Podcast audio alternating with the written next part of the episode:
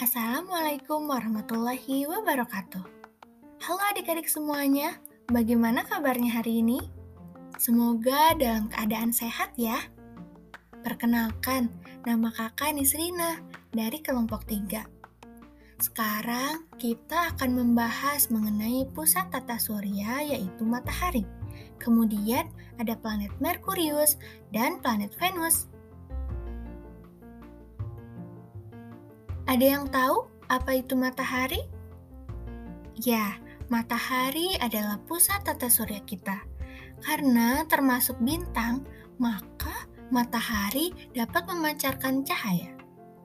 Matahari adalah objek sekaligus bintang yang paling besar di tata surya kita.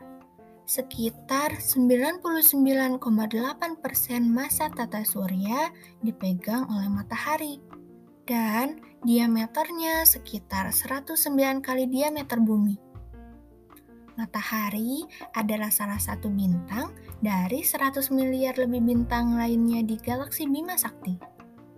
Matahari juga berupa bola gas raksasa. Energi yang sangat besar menyebabkannya menjadi sangat panas. Suhu di pusat matahari mencapai 15 juta derajat Celcius Sementara itu, suhu permukaan matahari 50 kali suhu air mendidih. Akibatnya, planet terdekat yaitu planet Merkurius dan planet Venus menjadi sangat panas membara. Sementara panas matahari yang sampai ke bumi tidak terlalu tinggi karena jarak matahari ke bumi sangatlah jauh. Kemudian selanjutnya ada planet Merkurius. Sebelumnya, planet itu apa ya? Planet adalah benda langit yang tidak bisa memantulkan cahaya karena bukan bintang. Namun, planet bisa memantulkan cahaya dari bintang yang diterimanya.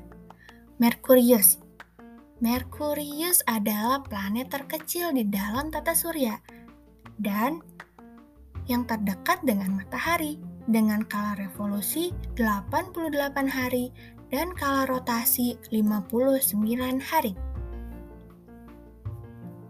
Merkurius tidak memiliki satelit alami.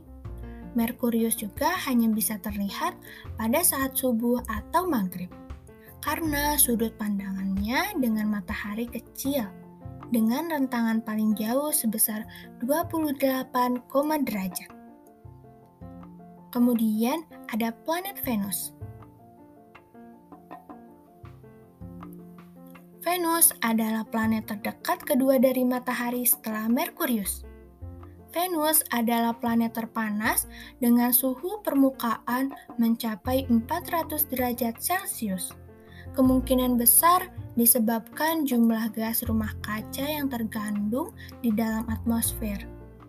Venus tidak memiliki satelit, Planet ini juga mengorbit matahari selama 224,7 hari bumi. Nah, sampai di sini dulu ya pembahasan kita kali ini. Semoga dapat bermanfaat. Sampai jumpa adik-adik. Wassalamualaikum warahmatullahi wabarakatuh.